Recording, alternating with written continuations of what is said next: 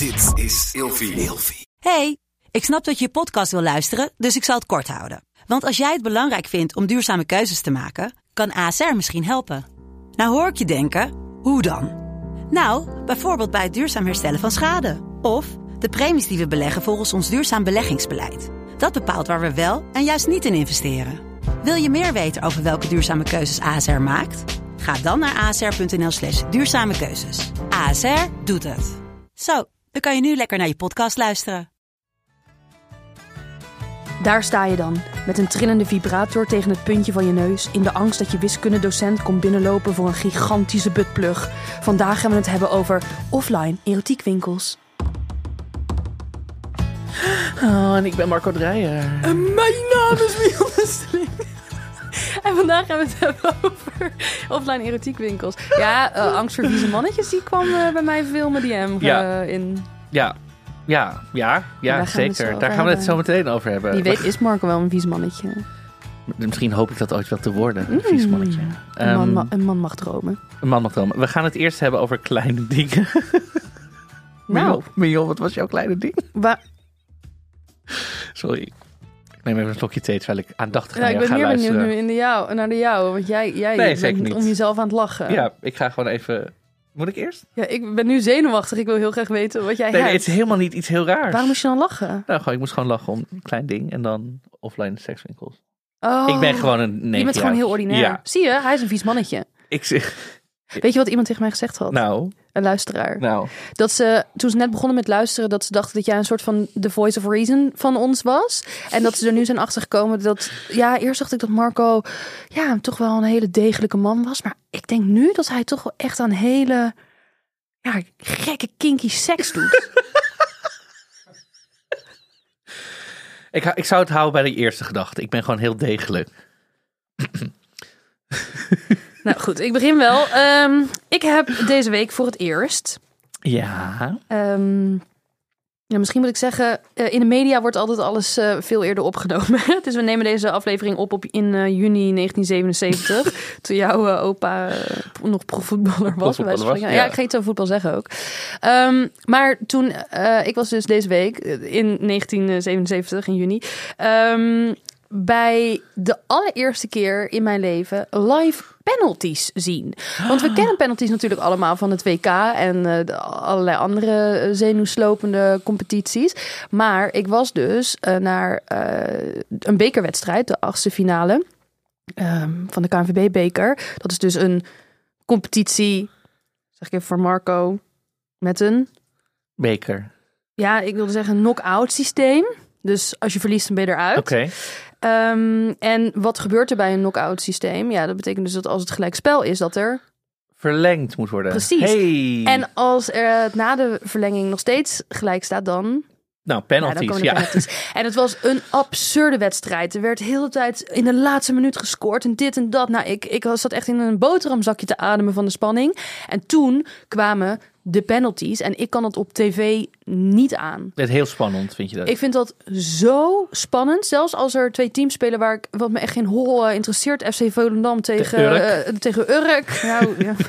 Ehm, dat, dan, zelfs dan kan ik de spanning niet aan. Omdat ik die Oh. spelers zie. Ik, ik, die prestatiedruk. Ik ga me dan helemaal verplaatsen in die prestatie. Dat je, dat, dat je moet, dat je moet presteren. Ik, ik, kan, het- ik kan het gewoon niet aan. Ik, nu merk ik ook dat ik zenuwachtig word als ik hierover praat. Zo spannend Ja. vind ik penalties. En dat is alleen bij voetbal en penalties. ja, Oké, wauw. maar nu ging ik ze in het echt zien. Dus ik zei tegen mijn gezelschap: Ja, ik kan, dit, ik kan dit niet aan. Ik kan dit niet aan. Ik heb dit nog nooit in het echt gezien. Nee, wij eigenlijk ook niet, zaten we zo. En het grappige is dus: het is minder spannend in het echt.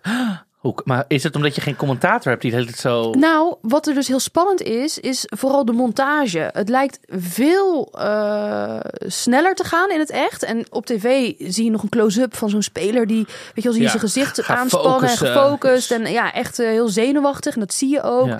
En je ziet ehm, de Even nog- wissels, weet je wel, dat ze heen Even en nog weer met de lopen. t-shirt, de zweet van zijn voorhoofd. Ja, en Overleggen wie eh, gaat hem doen. Ja, en het gaat ja. echt super snel. Het duurt echt 10 minuten, is alles gebeurd eh, in totaal. Zo. Het, het- het- ja, die vaart zit er gewoon heel erg in.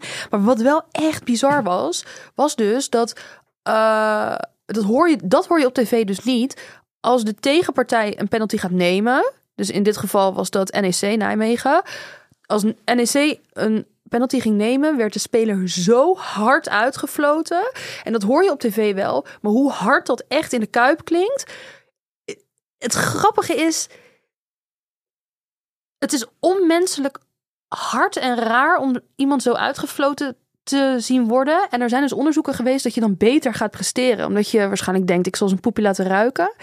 Maar de druk als uitspeler in stadion dat je compleet aan het uitfluiten is en dat je dan een bal, ja, ik, het is, ja, ja, ik zit er, ik ben er echt vol van. Het is, ik kan me gewoon niet verplaatsen in hoe dat voelt. Ja, En dat ga ik ook nooit meemaken. Nee, nou, en dat dat vind ik ook raar. Ja, ik ga geen- toch geen profvoetballer meer worden en eh, in de mannencompetitie, eh, in de bekerfinales of uh, achterbeek. Ja, dat gaat niet gebeuren. Maar dat is dus gewoon iets waar Nee. ik zo benieuwd naar ben. Hoe zou dat voelen? En ik ga het gewoon niet meemaken. Daar baal ik wel Ja. van. Maar misschien kunnen we een andere scène bedenken waarin je dit gevoel kan herbeleven. Dat we, ik heb geen idee wa- wanneer of hoe dit is, maar daar moet ik even over nadenken. Maar dat jij een soort spanning en dat, dat we gewoon 2000 Nou, je hebt mensen natuurlijk ook eh, muziekartiesten die worden uitgefloten. Maar dan is er niet nog... een competitieve. Nee, precies. Het is echt... Het is, echt Is er niet eh, een kunstenaarswedstrijd waar je binnen een 20 minuten iets moet schilderen of zo? Dan, ga, dan zorg ik gewoon dat er allemaal mensen in het publiek zijn die dat we zeggen: als zij is, moeten we boeren. Ja, nee, ik denk, ik denk dat er geen loophole eh, te vinden is hiervoor. Ja, echt, als je een keertje... Als je, ja, je kan dit natuurlijk niet plannen, want je weet nooit wanneer er Nee, verlengd wordt en wanneer de penalties komen. Behalve als je aan matchfixing doet. Misschien. Ja. Moet Ja, je eerst heel veel mensen altijd- omkopen. Ja, ja, dat gebeurt sowieso, zeggen ze, hè? Bij de KNVB en zo. Ja. Zeggen ze dat maffia. Goed, wat heb jij eh, meegenomen Ik, wat ik heb meegenomen. een erv- rugzakje? Nou, ik was dus laatst eh, dat programma op zoek naar eh, Danny en Sandy aan het kijken bij de Afrotros. Is dat van Grease? Ja, ze waren Oh, op zoek naar een nieuwe Danny en een nieuwe Sandy. En een vriend van mij deed ook mee, Paul, die is tot de finale gekomen. Was enig. Maar En nu is die Sandy. En nu is die Sandy. Ehm, nee, hij is het niet geworden.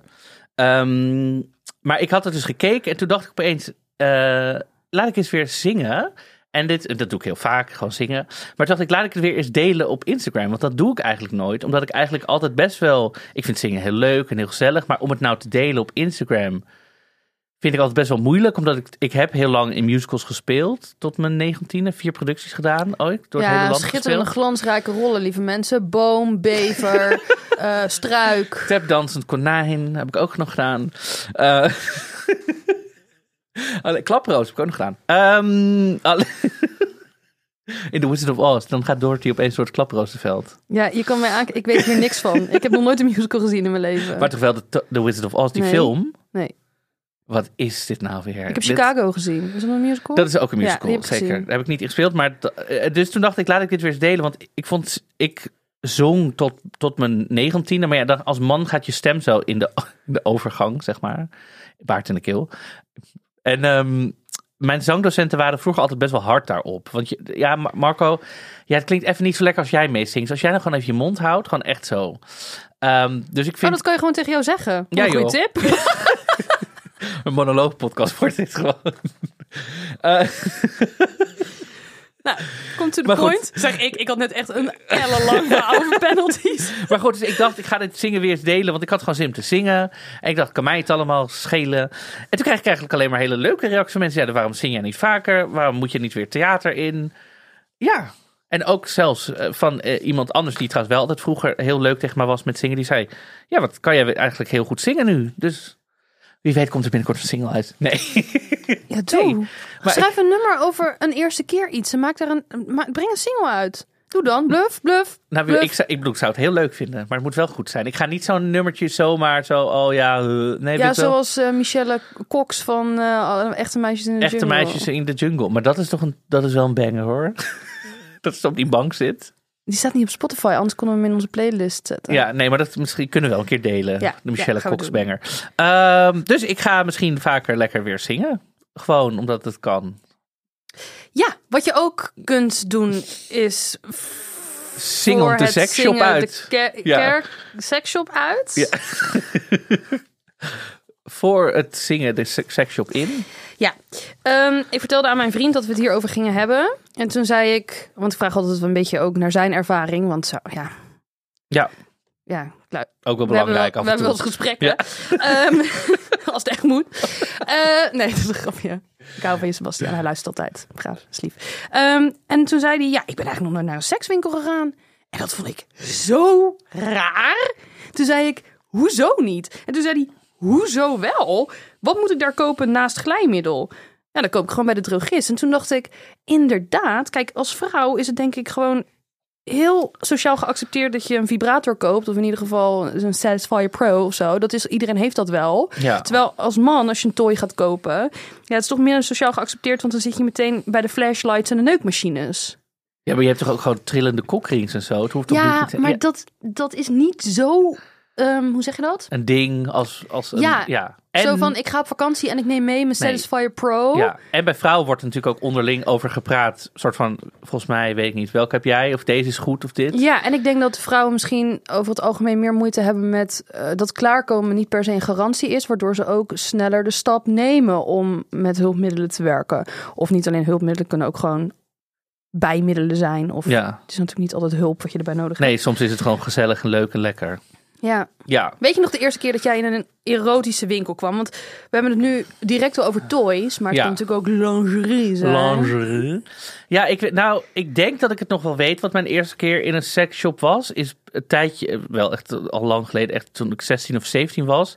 En ook echt zo op, op- in de Red Light District in Amsterdam, op de Wallen. In Amsterdam, In ja. Amsterdam. Hij probeert de internationale luisteraars ook aan te boren. Die denken ook, hé, ik word aangesproken. En volgens mij gingen we, ja, maar volgens mij was het meer om iets te halen voor een soort dansoptreden. Volgens mij zochten we een soort panties of zo. Dat we dachten, nou, we gaan dan maar hier kijken of we iets kunnen vinden. Maar dat was wel mijn eerste Je had keer. voor, voor een dansvoorstelling een panty met een open kruis nodig. Ja, precies. Nee, ja, een soort bepaalde kleur die je dan weer net niet kan vinden Ja. bij de kruidvat. Dachten we, nou, dan gaan we maar gewoon meteen. Ja, als je op een gegeven moment jong bent, denk je, we gaan. Hoe oud was je, weet je dat ik denk nog? 16 of zo, of 17, Oh, ja. zoiets. Dat je denkt, maar je hebt gewoon een reden nodig om de seksshop in te gaan, natuurlijk. Ja. Dat je niet gaat zeggen, we gaan een toys kopen, maar je denkt, laten we dan maar hier kijken. En dat je dan de- ondertussen gewoon even wil zien wat daar is. En eh, in, in de Red Light District is natuurlijk ook is er meteen een cinema achterin en eh, mogelijk weet je dat je denkt, ik ga even alles bekijken. Dat is een beetje mijn eerste En keer, een denk cinema is dan eh, Frans-Engels voor eh aftrekbioscoop? Ja, Oké. ja. Ja. Of van, die- van die hokjes waar je dan in kan, eh, waarschijnlijk om nog films te kijken. Of ik, ik weet eigenlijk niet of dat dan hokjes zijn. Ja, of voor één- mensen zonder internet. Ja, of één hele grote bioscoop. maar dit was natuurlijk... eh, nee, ik was nog jong, dus het was 1983. Ehm, dus, Ehm, de- maar dat was mijn eerste keer. Ja. Dat was het voor die reden. Maar daarvoor, ik heb ook een keer... Een vriendin van mij werd 16, dat weet ik nog heel goed. Toen ging zij bij haar thuis een soort Tupperware party Ja. doen. Maar dan met speeltjes. ja, maar die tellen niet. Die gaan we een keer los doen. Oké, die gaan we een keer Ja. los doen. Oké, Maar maar wil dat... het daar heel graag over hebben? Want ik vind dat het eigenlijk niet... Dan haal je de erotiekwinkel bij je in huis. Ja, Ja, dat vind ik echt een andere ervaring. maar daar kunnen we het ook wel een keer Ja. over. Maar dat was echt mijn eerste ervaring met echt seks, toys en openbaar het hebben erover. Ja. Ehm, maar die andere keer was echt mijn eerste keer echt in een sekswinkel. Seksshop, erotiekwinkel. ja, ik heb dus... Erotiekwinkel. Mijn eerste ervaring is dus niet echt ehm, met toys en zo, maar met van die ehm, ja, eh, aan erotisch schurende nachtkleding.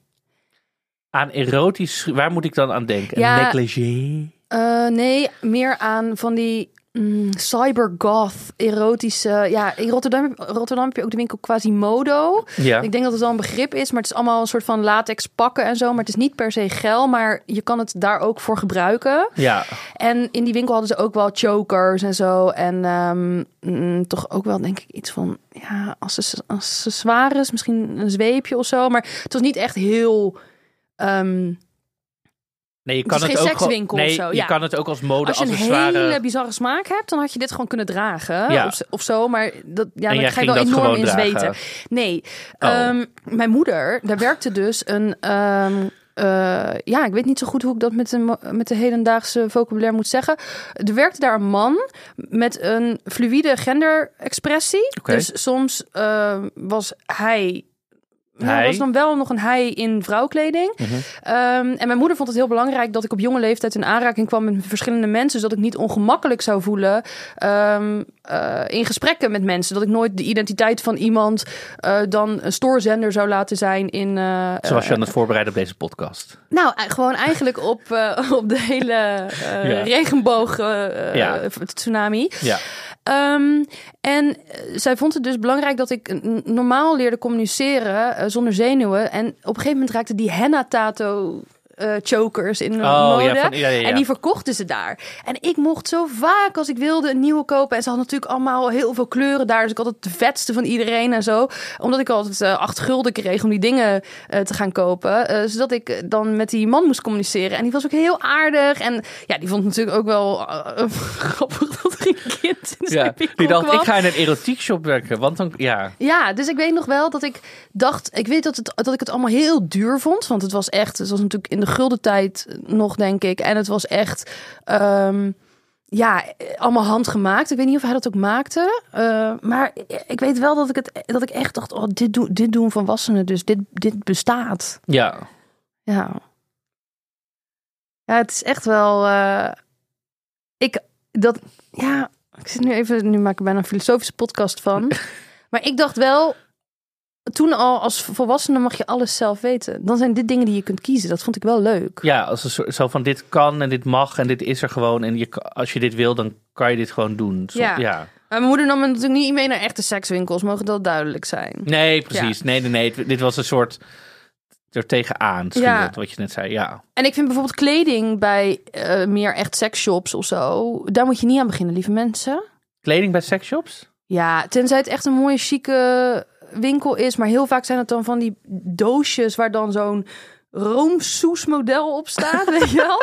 Zo heel blond, heel dun, Ja. heel spraytan, heel erg Ja, geëpileerde wenkbrauwen. Echt zo Pamela Anderson eh, esthetiek. ja. In iets wat bij haar een soort van goed zit, omdat de ja achterkant maar dat is heel vaak heel goedkope Ja, dingen. want ze hebben dat op de fotoshoot allemaal met knijpers en plakband dicht gedaan aan de achterkant. Ja. Je, het zit zo slecht. De cup zit er nooit goed. Het open kruis zit op je navel. ja, je moet, het, je moet het echt niet willen. Ook die geile Tiroler pakjes, zo zien ze er niet uit in Nee, Tirol. Maar er zijn wel goede versies te krijgen. Tuurlijk. Er zijn, maar dan, bedenk, je moet niet verwachten als je iets ziet hangen en het is 14,99, dat je in heel exclusief mooi, dat je denkt, oh, nu ga ik. altijd so- eh, eh, one size eh, fits no one. Ja, het is lubberd, het is zo, nee. Maar er zijn wel goede. Je kan wel goede vinden. Als je gewoon goed zoekt en een beetje oog ontwikkelt voor kwaliteit. Ja, want heel veel mensen zeggen, ja, waarom zou ik naar een offline sekswinkel gaan? Ik kan het ook online bestellen. En ik denk, nee, want je ziet bij dan bijvoorbeeld bij toys of het een lekker, eh, lekker materiaaltje is. Je kan het in je handen houden. Ja, en dat is met kleding ook zo. Ja, je, mag het, je kan het gewoon. In, trouwens, in veel seksshops zijn er ook gewoon pashokjes. dus je kan dingen vaak ook gewoon Niet passen. te verwarren met de aftrekcabines. Nee, nee, nee, echt gewoon pas. Eh meneer, wilt u zich niet afstrekken? pashokjes. Nee, maar je kan ook oprecht, weet je, die mensen hebben wel vaak die daar werken erva- ervaring met ook. Goh, ik heb zo'n lichaam, wat staat hier goed bij? Ze kunnen je oprecht helpen. Ja. En daar zijn ze ook voor.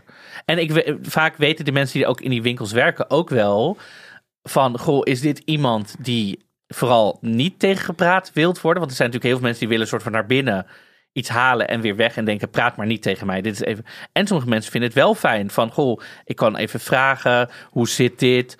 Ehm, wat, wat, wat, wat is fijn? Wat, denk jij? Hoe trilt het? Hoe voelt het tegen mijn huid? Eh, moet ik ehm, op waterbasis eh, glijmiddel of op, op, eh, op siliconen? Weet je, dat soort dingen kan je allemaal vragen Ja. daar. En online moet je dan maar weer honderdduizend fora af en hopen dat het is wat je zoekt. Ja. ja, er waren mensen die zeiden van... ik vind het wel ongemakkelijk om dat gesprek te voeren. Ik heb me gewoon ooit voorgenomen om het zo casual mogelijk in te steken.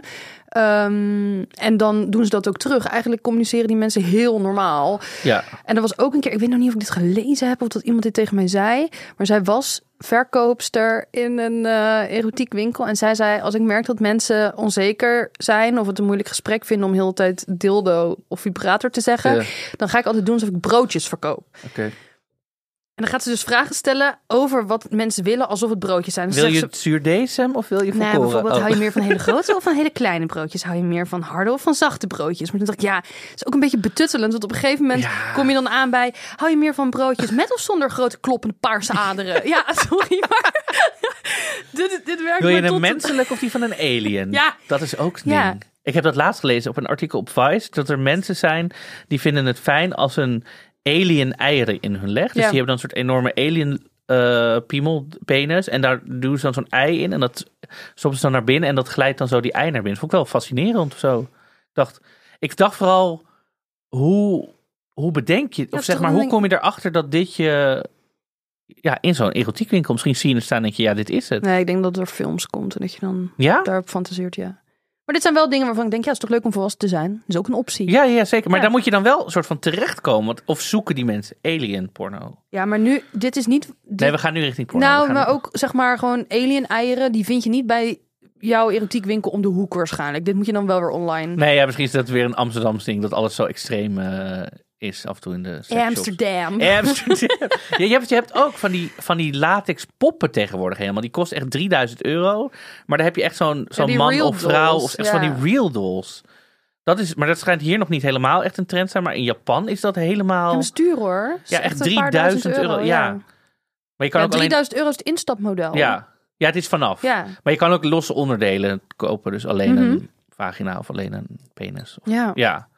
Ja, ik weet ik vind het allemaal wel fascinerend. En ook omdat je dus, dat is bij zo'n erotiekwinkel, als je in de winkel bent, dan zie je wat er allemaal is. Je kan gewoon, Ja, want wat ik ook heb opgeschreven is... eh, iemand vroeg mij, eh, want we vragen op Instagram... Hè, eh, pleur je input even de DM in. En iemand had gezegd, wat is de toegevoegde waarde van een offline winkel... ten opzichte van een online winkel? En natuurlijk naast het voelen van die materialen... is het ook dat je vrij bent van een algoritme. Je kan je helemaal laten inspireren. Je kan alles bekijken. In plaats van dat eh, je beïnvloedingsprofiel... zo heet het in de eh, online marketing... al voor jou besloten heeft dat jij een buttplugpersoon bent. ja. Ja, ja, nee, maar dat is dus inderdaad, als je door zo'n winkel loopt, dan zie je inderdaad echt alles. En ook soms ga je naar een offline winkel en denk je, oh, ik ga vandaag een, een buttplug kopen of zo. En dan loop je niet, dan ben je niet opeens in de categorie strings. Terwijl in de winkel loop je misschien gewoon langs het rek met strings en zie je iets, denk je, oh, dit is ook wel leuk. En dan loop je met helemaal iets anders de deur uit dan misschien waarvoor je kwam. Ja.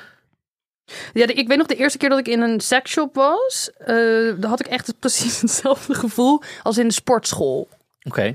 Namelijk dat je niet snapt wat al die apparaten precies Oh, doen. doen. en waar ze voor zijn, maar dat je ook al te lang binnen bent om het nog te gaan vragen. Weet je wel? Zo van, ehm, Ja, ik kijk hier dus nu Ja. al tien minuten naar. ja, wat is dit? Maar het is ook wel, ja, het is ook wel leuk. eh, want als je ziet wat voor kinky dingen er dan allemaal liggen en er is markt voor. Ja, eh, dat, er zijn dus mensen misschien wel in jouw omgeving die dit gebruiken. Misschien die docent wiskunde wel, of misschien je buurman wel, of misschien wel ehm, je match op Tinder. Het, het geeft ook de diversiteit van de mens aan, toch? Ik vind Ja. het wel leuk. Nou, en ben je, misschien ben je wel minder geschrokken. Of geschrokken. Misschien als je inderdaad een Tinder date hebt. En je komt thuis en je zegt. Oh, ik hou echt van. Dat je denkt. Oh, wat is het? Dit- Je hebt het al een keer gezien misschien in de sekswinkel. Ja, Sowieso, bij mij zijn de mensen eigenlijk het meeste wat inge- als, input, als input was gegeven is. Maar wat als ik iemand tegenkom? ja. Ja, en? Nou, dat begrijp ik niet zo goed, want diegene is daar dan toch ook. Ja, dat bedoel ik. Dan, diegene is En ook- misschien moet je niet bij elkaar in het mandje kijken. Nee. Hè? Dus terwijl hè, wordt er bepaalde discretie verwacht. Maar kijk, jij bent hier op aarde. Ik ga het maar gewoon heel eerlijk tegen je zeggen. Niet omdat de ooievaar dat gedaan heeft, Marco. Nee. Jouw ouders hebben liggen rampentampen. Rampentampen, ja. Oude snoeperts. Dus seks hoort zo bij het leven. Ja. En eh, als iemand daar een ontzettend grote, kloppende, eh, eh, pulserende Tarzan bij wil gebruiken. Ja, prima. Hatseflat, let's go. Maar iedereen, bijna iedereen op een paar enge installs na, heeft waarschijnlijk iets met seks te maken, al is het maar zijn geboorte. Ja, Dus ik snap niet, ik snap het echt niet. Ik, ik, ik probeer me te verplaatsen in het gevoel, maar ik denk ja, Ik denk dat ze niet willen, inderdaad, wat je zei, weten dat, dat anderen weten wat ze gebruiken, zeg maar. Maar ja, je kan ook even, dan zeg, ga je gewoon even, zet je je mandje even achter de kassa alvast. Zeg je, mag ik deze even hier neerzetten? En dan wacht je even tot eh Johnny van hiernaast weer de deur uit is. En dan kan je daarna weer op je gemak doorlopen. Maar dat, dat ze er zijn, ja. Trouwens, ik ben echt nog nooit iemand tegengekomen die ik kende in een ik seksshop. wel hoor. Ja? Ja, Maar bij mij, het zijn, ik moet zeggen, het zijn vaak, het is niet, het zijn niet hele drukke winkels waar honderden mensen tegelijk, bij jou wel. nee, en dat is dus ook wel iets wat iemand heeft gezegd. Eh, het is er altijd zo raar stil. En dan voel ik me verplicht om iets te kopen, omdat je vaak de enige in de winkel bent. Ja, ik herken dit wel, dit gevoel. Oké. Ja, want ehm, ja, je, je, je loopt dan in die winkel rond. Soms spreken ze je aan, waar ben je naar op zoek? En eigenlijk weet je dat misschien dan nog niet helemaal. Of je wil gewoon rondkijken. Of je komt eigenlijk alleen voor glijmiddel of massageolie of wat dan ook. En vervolgens zit je in een soort van gesprek. Waardoor je denkt, ja, ik, ik voel me bijna een soort voyeur als ik nu wegga zonder iets te kopen. Zo van eh, even lekker in de seksshop kijken. Want dat soort niet-kopende klanten hebben ze waarschijnlijk heel veel. Mhm. Dus ik, ik herken het gevoel. Maar ik heb dit ook bij de mediamarkt. Ik heb dit ook. Ik heb dit overal. Ja. Maar je kan natuurlijk ook gewoon zeggen: Goh, ik ben gewoon even nieuwsgierig en ik kijk even rond. En eh, als ik wat nodig heb, dan hoor je het. Ja. Ja, ik, ik zeg meestal. ehm, ik, ik ga bijna altijd alleen maar als ik iets echt nodig heb. Dus dan weet ik wel wat ik wil kopen. Dus dan zeg ik bijvoorbeeld: Nee, ik kom zo voor de Spaanse vlieg of voor de poppers. Nee, dat is een grapje, daar kom ik allemaal niet voor. Ik oh, oké, ik heb hier Oh een ja, verhaal nou, over. anyhow, ja, ja. Dus ik zeg dan van: Nee, ik heb glijmiddel nodig, maar kijk even rond. En dan kom ik het zo. Want glijmiddel ligt vaak achter de kassa of bij de kassa. Ik heb een verhaal over Spaanse vlieg. Misschien moet je even uitleggen wat het is voor de. Nou, het is trouwens, het is een soort vloeistof, toch? Is het vloeistof? Ja, toch? Vloeistof, volgens Ja, mij, volgens toch? Ja, ja. en volgens mij, dan word je het? gewoon ge- geil van. Ja, Als hoe je heet dat, ook weer? Een afrodisicum? Aphrodisiac, dus je wordt gewoon helemaal opgehitst. Maar wij gingen met Overij, mijn middelbare school, gingen wij in de vierde naar Barcelona um, op week, op examenreis, zeg maar. Toen hadden we ook een clubavond en we hadden een meisje op school, ik zal haar naam niet noemen, is misschien zo netjes, maar zij ging dus helemaal zo, ja, ik heb Spaanse vlieg. En volgens mij is het de bedoeling dat je een theelepel neemt of zo, dan ga je al gezellig of zo. Zij had gewoon zo dat, dat flesje achterover ge- ge- gesla- geslagen. Of misschien twee, drie slokken genomen. In ieder geval veel meer dan je zou moeten. Dus Die ligt eh, nou nog te glibberen, tien jaar later. wij waren in die club. En zij stond op zo'n blok, zo'n verhoogd blok. Stond zij helemaal, ah, helemaal als zichzelf zo te zitten. Oh ja, ik heb nog... Maar is het niet... Een, ik, dacht- ik dacht dat het een placebo was. Nou, bij haar niet. Of misschien... Maar zij was sowieso heel overdreven en heel over seks. Misschien was ze gewoon een hele show geven. Ik vond het hysterisch. Ik vond het... Zij noemde mij ook... Op de, toen we ook, als we elkaar kruisen in de schoolgang, noemde zij mij altijd dappere dildo. hey, dappere dildo. Ja, I don't know. Deze... Oh, van Dodo. Ik heb geen idee. Zij noemde mij dappere dildo. Nou, wat een geestig meisje. ik dacht alleen maar... Potverdorie. Maar ik heb wel heel erg onder gelachen op deze examenreis. Ja, snap ik. Dat is met een Spaanse vlieg. ja, dat was Spaans vlieg. Ehm, Ik dacht echt dat jij met een poppenverhaal zou komen toen je zei... Ik wil hier iets over Ja, vertellen. ja, ja, ja. Nee, nee, nee. Die hou ik voor mezelf. Ehm, iemand zei, ik vind het heel makkelijk als ik voor andere dingen, voor andere mensen eh, dingen moet kopen in de seksshop. Dan heb ik er geen probleem mee. Maar als ik iets voor mezelf moet halen, vind ik het moeilijk. Hoe vaak koop je iets voor iemand anders? Dat was ook mijn vraag. Ja, ik koop dit voor een vriend. Maar, die- je- Ehm, dit is niet voor mij hoor. Ik koop dit voor een vriend. maar zeg je dat dan ook de hele tijd ja, inderdaad? weet ik niet. Want, als je, maar dan kan je dat ook doen. Als je voor jezelf iets gaat kopen, zeg je ook gewoon... Ik koop dit voor iemand, maar ik... Ik zeg altijd gewoon, ik wil graag deze double-sided fa- fist fuck dildo. En die ga ik straks even lekker helemaal inbijten. Ja. Ja. maar ook die mensen. Er zijn, jij bent waarschijnlijk nooit de meest extreme klant van zo'n winkel. Nee. Er is altijd iemand die, die een vierdubbele, viersided dubbele fuck dildo wil kopen. En jij hebt er maar twee-sided dubbele fuck dildo. Ja. Ja. Nee, maar dat, is, dat, is, dat, is, dat zeggen wij volgens mij in elke aflevering. Ja, mensen maar- zijn echt wel iets gewend. Nee, maar het is Toch? goed om dat nog even een keer te benoemen. Ja. Dat, dat het, Ja, en daarover gesproken, er was dus ook iemand die in mijn DM slide en die zei: Ik heb het idee te van vanilla te zijn en dat mensen dat aan me kunnen zien. ja, ehm, het is niet dat je een hele grote etterende puist hebt die mensen zien. Dan hou je gewoon niet zo van die double-sided fistfuck dildo. Ja, wat is daar nou erg aan? Ja, ik, hier snap ik echt het probleem niet ja. van. Maar als je misschien denkt, ik ben te vanille, had, maar heb je wel, ik zou gewoon terug willen vragen, heb je wel eens wat geprobeerd dan? Ja, maar het is toch ook niet erg om vanilla te zijn? Ik nee, vind het is niet erg, maar Weet je, mensen zeggen altijd niet kink shamen, maar je moet ook niet vanilla sh- shamen. Daar hou ik ook niet van. als jij gewoon van missionaris verder niks, dat is allemaal prima. Nou, ik zal jou eens iets vertellen. Ik ken iemand. Ik zal ook geen namen noemen. Ik heb er wel zin in, maar ik ga het niet doen.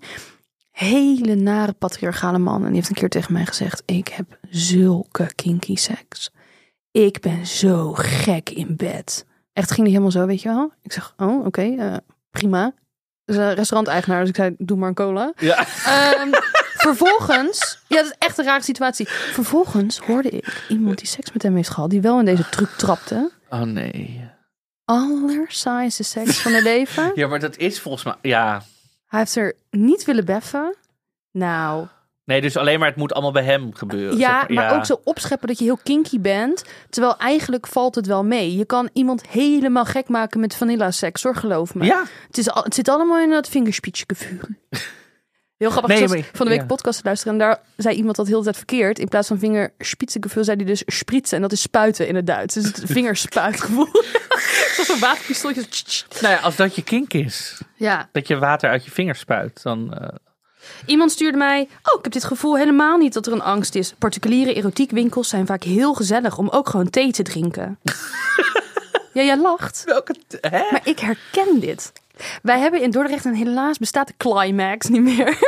maar Climax was dus een eh, sekswinkel waar ze best wel ja, van die jaren negentig lelijke verpakkingen hebben met van die blonde eh roomsoezen erop. Weet je wel, dat je denkt, nou ik herken me hier als vrouw niet echt in, in deze ordinaire male gaze verpakking. Ehm, maar er werkte een ontiegelijk aardige man. Eh, en die was altijd helemaal ook in lak, weet je wel, zo'n cowboy-achtige broek met van die blote billen die Douwe Bob Ja. ook op zijn poster aan had. Ja, Ehm, die poster weet ik wel. Voordat hij twaalf vrouwen bevruchtte. en eh, die droeg hij dan altijd. En dan kwam hij van achter en zei hij altijd... Ah, oh, eh, ik heb net een bakje nasi gepakt. Wil je ook wat nasi?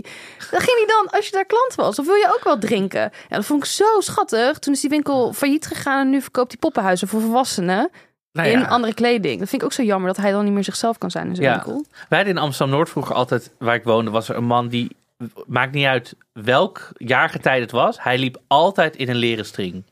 's Ochtends, middags, avonds hond uit te laten, altijd. Dezelfde, dat Dus- vies. Nou, dat weet ik niet. Misschien had hij wel... maar gewoon al, sneeuw, leren string, verder Een niks. soort stripfiguur die ook altijd hetzelfde aan heeft. Ja, Ja, dat maar- vind ik leuk. Ik, daar ben ik ook, dus dat is ook wat jouw moeder zei, je moet op, opgroeien met Ja. allemaal soorten mensen. Ja, dit, dit liepen gewoon in het wild in Amsterdam-Noord. in mijn DM ook geslide. Eh, van een man. Misschien overbodig om te zeggen. Door het feminisme is bijna niks meer hoerig. Dildo's lijken niet meer op lullen.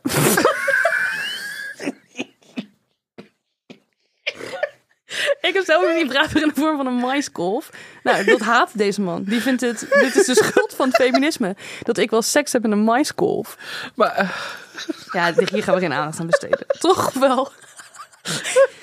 ik, denk, ja, ja, ik denk juist dat het voor vrouwen heel fijn is dat er vibrators zijn die niet op piemels lijken. Want als je gewoon niet van piemels houdt, is het toch ook fijn dat er iets gewoon op een luchtfrisser lijkt of op, op een, op een airconditioning systeem. Of weet ik veel welke vorm het heeft. Een computermuis. hoezo is dit ook een probleem? Waar maak je je druk om? Ja, dit, zijn, dit is dus Oh. Dit zijn kwetsbare mannen die zich aangetast voelen in hun mannelijkheid. doordat de vibrator in de winkel lijkt op een eh, afzuigkap. Ja, Hebben, ze, hebben ze nog minder kans om met iemand te... Oh, ja. Ik, dacht- ik dacht ook, is het niet sowieso leuk om met je partner naar een seksshop ja te gaan? superleuk. Toch? Want je kan oprecht zeggen, hey, wat vind jij hiervan? Hoe is dit voor jou? Wat zullen we dit eens uitproberen? Of niet? Dan kan, dat is toch eigenlijk heel leuk? Ja? Want ja, Lijkt mij ook leuk. ja, ik, dus, ja dat, dat wilde ik nog even zeggen. Ehm, iemand slide ook in mijn DM met... Ik ben bang om als queer persoon een cishet, en dat is dus eh, cis heteroseksueel, medewerker te treffen. Dus ze leggen niet uit waarom dat is. Nee, dit was het. Wat vind je hiervan? Nou, ik vind het wel. eh, ik denk dat in heel veel situaties kan ik dit begrijpen. Dat je misschien iemand wil treffen die misschien wat meer op jou lijkt. Maar ik denk in een, als je in een sekswinkel werkt, denk ik dat je echt wel heel open-minded bent. Dat je met echt allerlei soorten mensen om kan gaan. Dat je met trans mensen om kan gaan, met queer mensen. Als je in een sekswinkel werkt, dat, dat, dat moet gewoon. Want anders kan je daar niet werken. Dus ik denk, als jij naar een sekswinkel gaat, dat je er echt wel op kan berusten. Dat degenen die daar werken helemaal open-minded is. Dat, dat, dat die jou echt kunnen helpen. En Ja. dat die er echt niet raar op kijken. Ja, want bijvoorbeeld die grote ketens zoals Christine de Duc... die echt wel heel erg eh, ingericht waren op eh, heteroseksuele koppels... waarvan de vrouw vooral iets stimulerends zocht... die bestaan niet meer. Volgens mij zijn het echt vooral boutiquejes van mensen... die het echt heel leuk vinden om daar te werken. Ehm, en ik, ik begrijp deze problematiek in het leven echt wel. Ehm, maar ik vind dit wel een beetje onnodig wij-zij denken. Eh, iemand die eh cis-het is, kan alsnog heel seksueel experimenteel zijn. Het kan zijn dat jij nooit een relatie met iemand van eh, ja, hetzelfde gender kan hebben, maar dat je wel het leuk vindt om seks met die mensen te hebben. Ehm, en inderdaad, ze zijn sowieso waarschijnlijk open-minded. Misschien is, werkt er wel een moeder van een jonge transvrouw. Dus ik vind dit weer, ik vind dit dus echt heel erg onnodig in hokjes denken. Ja. Eh, en ook helemaal niet leuk voor mensen. ehm, Want het excommuniceert ook hun ervaringen misschien wel. Ja, terwijl, ja dat weet je dus helemaal niet. Dus, Nee. dus ik denk dat je dat wel... eh, ik zou gewoon lekker naar die seksshop gaan. Ja.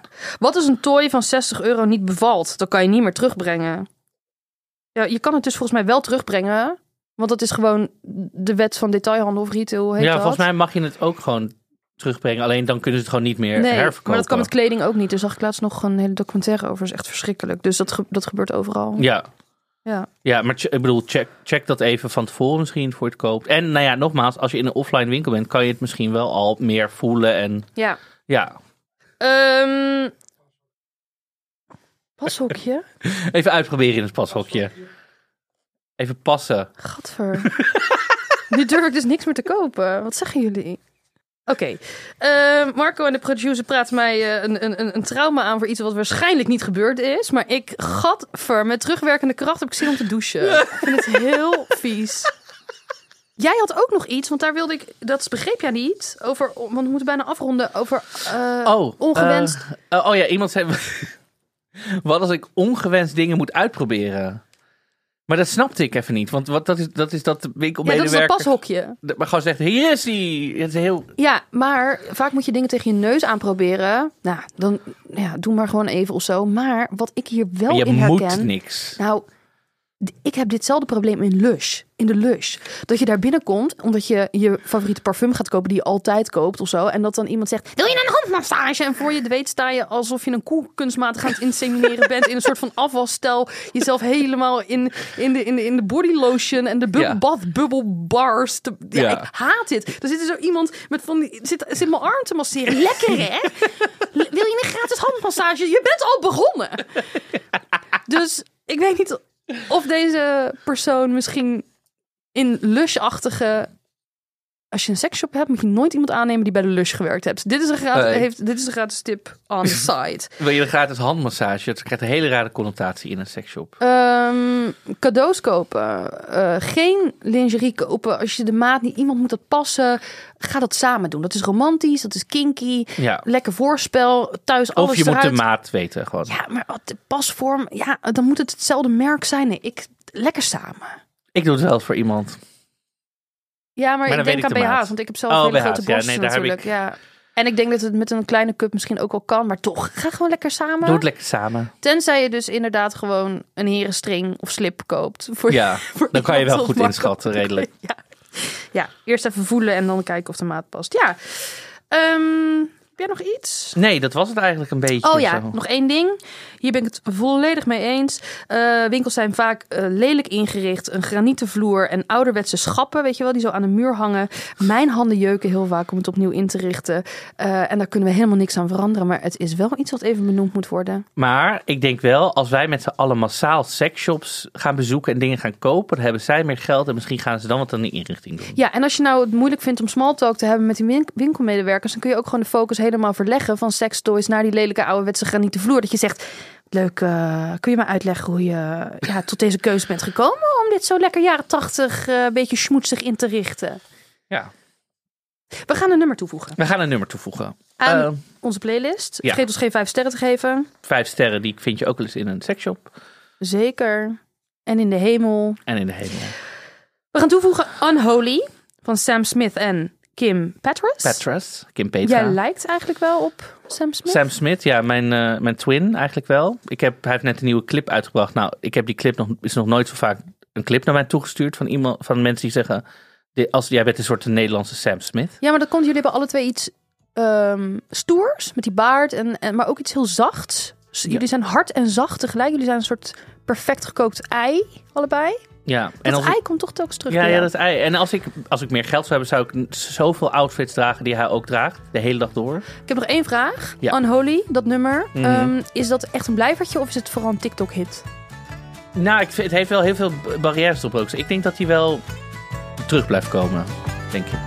Oké, ik ben benieuwd. We spreken je over tien jaar. Ja. We kijken of je gelijk had. Dag.